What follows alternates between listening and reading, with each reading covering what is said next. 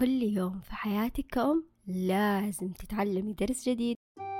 أو ممكن نعتبرها تجربة جديدة لك مع أطفالك. قد مرة فكرتوا إن كل الأشياء اللي تمروا فيها تأثر فيكم وفي أطفالكم كمان. في بودكاست أمومة في حلقة اليوم معاي أنا فاتن خالد. حنتكلم عن المشاركة مهارة مهمة لابد إن الأطفال يتعلموها.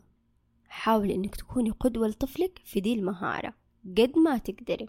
عشان يقلدك ما في أي شك إن القدرة على المشاركة تعتبر عامل أساسي في تكوين الصداقات والحفاظ عليها. أكيد كلنا كأمهات مرينا بهذا الموقف. طفلك مصر جدا إنه يشاركك نص من البسكوت أو الشوكولاتة حقته. وإنت من جد تكوني مالك نفسه ما تبغي تاكلي. هو يقول لك ماما نص لي ونص ليكي.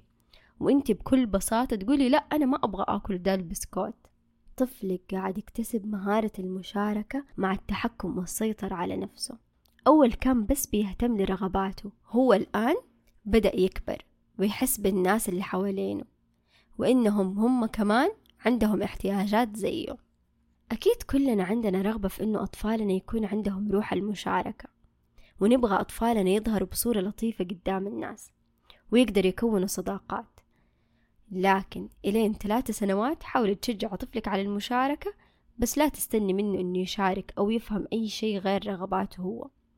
وده الشيء جدا طبيعي ويحتاج تدريب وشوية وقت. طفلك لما يشاركك هو بيحس إنه دي قاعدة نص لي ونص ليك عجبته وتحسسه بالسعادة. وأكيد بيحسبك حتنبسطي كمان بالبسكوت اللي شاركك بيه. زيادة على كده كل الأطفال بيعملوا الشيء اللي يتكرر عليهم. فبما إنك قاعدة تعلمين المشاركة فحيستخدموا فيك أول واحدة طيب لو مريتي بهذا الموقف وطفلك مصر إنه يتشارك معاك قطعة بسكوت إيش حتعملي في هذه اللحظة؟ أول حاجة ابتسمي له وخدي قطعة البسكوت. لازم تعزز عنده فكرة المشاركة عن طريق ممارسة المشاركة مع طفلك وكمان الناس اللي حوالينكم قدر الإمكان. تاني حاجة اشكريه وقولي له إنك مرة مبسوطة بإنه كريم ويفكر في غيره.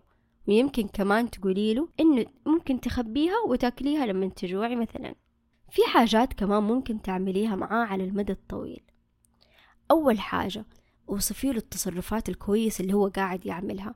استخدم المدح الوصفي عشان تقولي له إنه عمل شيء كويس. مثلا قولي له شفت كيف أختك ابتسمت ومرة فرحت لأنك شاركتها قطعة البسكوت؟ تاني حاجة اشرحي له معنى المشاركة. ساعديه على إنه يعرف إنه في نوعين من المشاركة. النوع الأول هو نوع في حاجات تشاركها وما حترجع له ابدا زي الأكل بسكوت شوكولاتة عصير. أما النوع الثاني من المشاركة هو إنه في حاجات ممكن يتشاركها لكن ضروري ترجع له زي ألعابه أو قصصه أو ملابسه. مثلا لو جو عندكم أحد من الأهل واضطر إنه يستخدم ملابسه ما في مشكلة لكن ضروري ترجع له. ثالث حاجة حاولي إنك تلعبي مع طفلك ألعاب تعتمد على المشاركة بشكل عام زي الألعاب اللي ممكن يلعبوها كم شخص. وأخيرا تعليم طفلك المشاركة حاجة جدا مهمة ولازم تعلميه هي لأن المشاركة مهارة أساسية في تكوين الصداقة. وأخيرا لا تنسوا تتابعونا في مواقع التواصل الموجودة في صندوق الوصف. وانشروا الحلقة لكل الأمهات اللي تتمنوهم يستفيدوا معانا.